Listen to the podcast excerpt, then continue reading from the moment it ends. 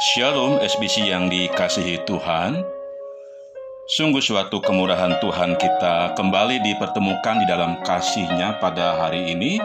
Dalam kesempatan kita kembali bersama-sama mengadakan kebaktian persekutuan doa yang pada hari ini dilaksanakan pada hari Rabu tanggal 7 April tahun 2021 yang sekaligus merupakan persekutuan doa di minggu pertama di bulan April. Saya sungguh-sungguh mengharapkan kondisi semuanya baik-baik saja tanpa ada hambatan apa pun, semuanya sehat, ada di dalam perlindungan, pertolongan, dan juga pemeliharaan Tuhan.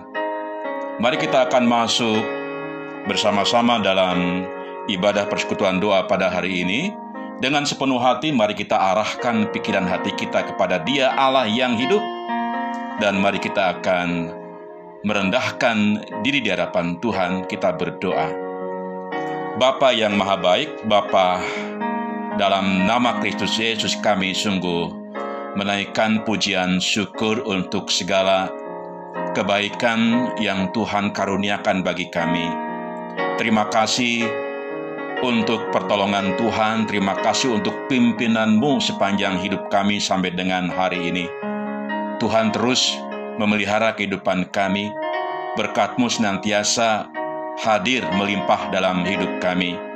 Ajar kami untuk menaikkan pujian syukur kami kepada Engkau, Allah yang tidak pernah meninggalkan kami dan mari Tuhan hadirlah dalam ibadah kami pada hari ini. Kami sungguh rindu anak-anakmu boleh menikmati merasakan hadirat Tuhan. Karena itu hadirlah dalam ibadah kami pada hari ini. Tuntun kami, pimpin kami, ambil alih seluruh bagian ibadah ini dalam tangan kuasa Tuhan. Berkati setiap diri kami ya Tuhan, dalam nama Kristus Yesus Allah yang hidup, kami menaikkan pujian dan syukur kami. Haleluya. Amin. Jemaat yang dikasihi Tuhan, sungguh saya memuji Tuhan karena masih ada pribadi-pribadi yang tetap setia berhimpun bersama-sama untuk bersekutu dalam persekutuan doa ini dan kita bersama-sama juga nanti akan menaikkan doa-doa syafaat yang sudah diatur seperti biasanya. Dan mari kita akan merenungkan satu bagian firman Tuhan sebelum lebih jauh kita menaikkan doa-doa syafaat kita. Dan firman Tuhan pada hari ini mengambil satu topik atau judul yang berkaitan dengan kebangkitan Kristus, yaitu dengan judul Ada Kebangkitan, Ada Pengharapan. Dengan nats Alkitab diambil dari satu Petrus pasal 1 ayat 3 sampai dengan ayat yang kelima. Saya bacakan firman Tuhan ini bagi Bapak Ibu sekalian dalam Kristus Yesus. Bagi yang membawa Alkitab silakan membuka Alkitabnya di bagian 1 Petrus pasal 1 ayat 3 sampai dengan ayat 5. Mari kita bersama-sama akan membaca firman Tuhan. Demikian bunyi firman Tuhan. 1 Petrus 1 ayat 3 sampai 5. Terpujilah Allah dan Bapa Tuhan kita Yesus Kristus yang karena rahmatnya yang besar telah melahirkan kita kembali oleh kebangkitan Yesus Kristus dari antara orang mati kepada suatu hidup yang penuh pengharapan untuk menerima suatu bagian yang tidak dapat binasa, yang tidak dapat cemar, dan yang tidak dapat layu, yang tersimpan di sorga bagi kamu yaitu kamu yang dipelihara dalam kekuatan Allah karena imanmu, sementara kamu menantikan keselamatan yang telah tersedia untuk dinyatakan pada zaman akhir. Ada kebangkitan, ada pengharapan. Itu yang harus menjadi keyakinan kita sekalian sebagai orang yang percaya, karena tidak mungkin ada pengharapan yang pasti tanpa ada kebangkitan. Berita tentang kebangkitan Tuhan Yesus Kristus sebenarnya bukanlah berita yang baru. Di setiap momen Paskah dari waktu ke waktu, dari tahun ke tahun, fakta tentang kebangkitan Kristus Yesus selalu dirayakan dan diceritakan terus-menerus dengan tema yang beraneka ragam. Meskipun ini adalah peristiwa yang terjadi sekitar 2000 tahun yang lalu, namun cerita ini tidak pernah usang sehingga di dalam merayakan Paskah setiap tahun selalu saja muncul ide atau gagasan yang baru yang sesuai atau yang relevan dengan kondisi yang ada. Meskipun di tengah kondisi pandemi COVID-19, kita semua layak untuk memuji Tuhan dan menaikkan pujian syukur. Oleh karena masih diberikan kesempatan untuk merayakan kebangkitan Tuhan kita. Walaupun kemarin di dalam kebaktian offline dihadiri tidak banyak orang, sekitar 39 orang, tetapi kita menaikkan pujian dan syukur. Perayaan Paskah boleh berlangsung dengan baik dan lancar. Mengapakah merayakan Paskah itu sangat penting bagi kita sebagai jemaat Tuhan? Alasannya cukup sederhana. Karena ada kebangkitan, pasti ada pengharapan. Rasul Paulus mengatakan dalam 1 Korintus pasal 15 ayat 14 dan 17 demikian berbunyi Tetapi andai kata Kristus tidak dibangkitkan maka sia-sialah pemberitaan kami dan sia-sialah juga kepercayaan kamu Lalu disambung dengan ayat 17 Dan jika Kristus tidak dibangkitkan maka sia-sialah kepercayaan kamu dan kamu masih hidup dalam dosamu. Penegasan kalimat "maka sia-sialah" ini memiliki satu makna ketiadaan pengharapan. Sia-sia. Dengan perkataan lain, jika Kristus tidak bangkit, maka kita tidak memiliki pengharapan lagi. Tetapi haleluya, puji Tuhan, Kristus telah bangkit. Karena itu, ada kebangkitan, maka pasti ada pengharapan. Jemaat SBC yang dikasihi Tuhan, meskipun perayaan Paskah sudah lewat, tetapi gema kemenangan tersebut selalu menjadi cerita yang diberitakan dari mulut ke mulut sebagai kabar sukacita, kabar yang membahagiakan dan tetap akan berlaku sampai dengan selama-lamanya. Ketika kita masih ada kesempatan merayakan Paskah tahun demi tahun, kita tetap akan diingatkan dengan kabar sukacita tentang kebangkitan Kristus. Pada bacaan firman Tuhan kita tadi dalam 1 Petrus pasal 1 ayat 35, Rasul Petrus dengan jelas memberi satu penegasan bahwa kebangkitan Kristus memberikan suatu perubahan besar. Ibaratnya seperti seorang yang dilahirkan kembali dan menikmati kehidupan yang baru, yaitu suatu hidup yang dipenuhi dengan pengharapan yang pasti di dalam Kristus. Pengharapan yang dimaksud di sini jelas adalah suatu jaminan kepastian dari Allah dalam Kristus Yesus bagi setiap orang yang percaya, bagi saya dan saudara sekalian yang beriman kepada Kristus, Tuhan dan Juru Selamat kita.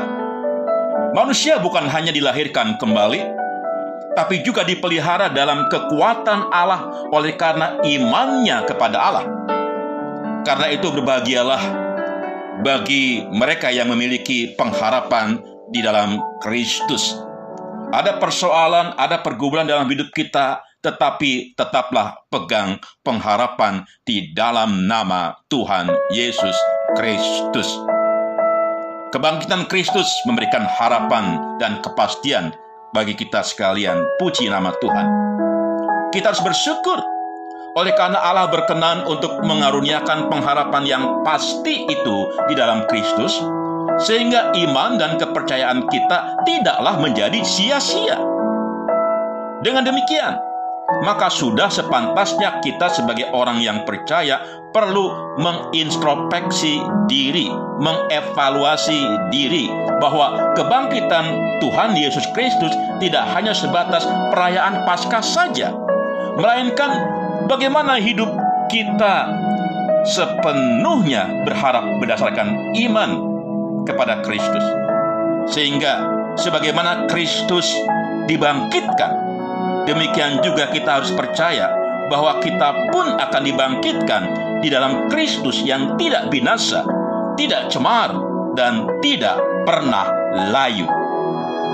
Keyakinan ini sudah seharusnya membawa sukacita yang penuh bagi kita sekalian, sehingga kita tidak hanya sekedar merayakan Paskah saja, melainkan juga memaknainya dengan iman dan selalu memiliki semangat kebangkitan Kristus sehingga tetap teguh dan kuat menghadapi berbagai kesukaran dan pergumulan hidup kita. Ketika kita berhadapan dengan berbagai persoalan dalam dinamika hidup kita, pasti ada tantangan persoalan. Mungkin ada yang saat ini mengalami kelemahan fisik, mengalami sakit penyakit, tetapi itu tidak pernah mengurangi semangat kita untuk tetap berfokus kepada Tuhan yang telah bangkit itu sehingga kita tetap diberikan semangat untuk hidup pengharapan yang pasti dalam nama Kristus Yesus. Ingatlah senantiasa bahwa ada semangat kebangkitan, maka pastilah ada pula pengharapan. Kiranya firman Tuhan pada hari ini boleh meneguhkan iman percaya kita, memberikan semangat yang baru dalam kehidupan kita. Haleluya, Kristus telah bangkit dan di mana ada kebangkitan, di situlah ada pengharapan. Puji nama Tuhan. Mari kita berdoa bersama-sama. Bapa Sorgawi, Bapa yang mengasihi kami. Bapa di dalam nama Tuhan Yesus Kristus, terima kasih karena Engkau adalah pribadi yang sungguh mengasihi kami. Engkau berkenan boleh datang dalam dunia ini dan Engkau boleh melayani dunia ini, mengampuni orang-orang yang berdosa. Engkau rela mati untuk menebus setiap dosa manusia, tetapi puji nama Tuhan, Engkau tidak hanya mati di atas kayu salib, tetapi Engkau bangkit dari kematian. Inilah yang membuat jiwa kami sungguh-sungguh memuliakan Tuhan, sungguh-sungguh penuh dengan pengharapan, sungguh-sungguh memiliki iman percaya kepada Engkau bahwa di dalam namamu ada kepastian dan jaminan keselamatan. Terima kasih untuk anugerah yang Tuhan karuniakan bagi kami. Mari Tuhan, biarlah semangat kami tetap terpelihara, khususnya kami sebagai para pendoa syafaat kami sungguh-sungguh tetap diteguhkan, diberikan satu komitmen untuk tetap menjadi pribadi-pribadi yang setia dan rela melayani sebagai para pendoa syafaat. Kami menaikkan pujian dan syukur kepada Engkau ya Tuhan untuk kesempatan yang indah dan baik itu. Kami terus berdoa juga saat ini secara khusus untuk mereka yang sedang mengalami kelemahan fisik, Terus kami menyerahkan Pak Dodi, Pak Teksan, Pak Sengkun, Ibu Dewi Kusnadi, Ibu Meti dalam tangan kuasamu. Dan juga kami teringat kepada teman-teman kami, saudara kami yang mengalami kelemahan fisik. Ibu Pinses, Pak Bianli, Pak Adi, kami serahkan dalam tangan kuasamu.